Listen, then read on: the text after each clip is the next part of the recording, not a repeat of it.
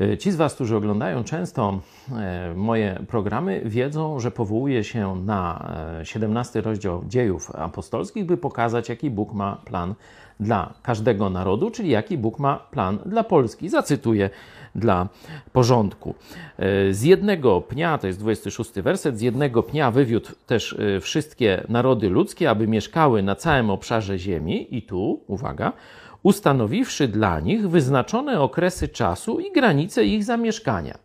Czyli każdy naród ma i miejsce, i czas na ziemi. I teraz pytanie podstawowe: na co? Żeby szukały Boga. No to jest, widzicie, e, Boży plan, Boże zadanie dla każdego narodu. Czyli Bóg ocenia narody po tym, czy zbliżają się do niego, czy szukają go. Oczywiście mm, naród to nie jest jakaś taka magma, która y, sobie gdzieś jakoś bez udziału poszczególnych członków tego narodu, czyli poszczególnych osób kroczy, tylko to jest suma decyzji poszczególnych ludzi. Czyli czy ludzie w Polsce otwierają drzwi Jezusowi Chrystusowi, szukają go, zbliżają się do niego, na to właśnie Bóg patrzy, oceniając Polskę i albo błogosławi, albo nie.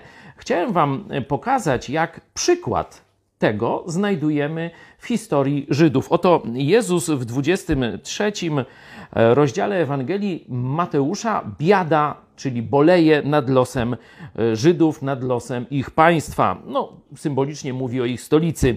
Jeruzalem, Jeruzalem, które zabijasz proroków i kamienujesz tych, którzy do ciebie byli posłani.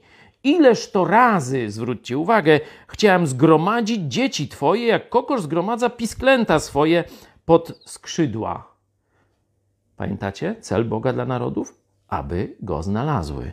Chciałem zgromadzić was, a nie chcieliście. No i jest konsekwencja, 38 werset. Oto wam dom wasz pusty zostanie.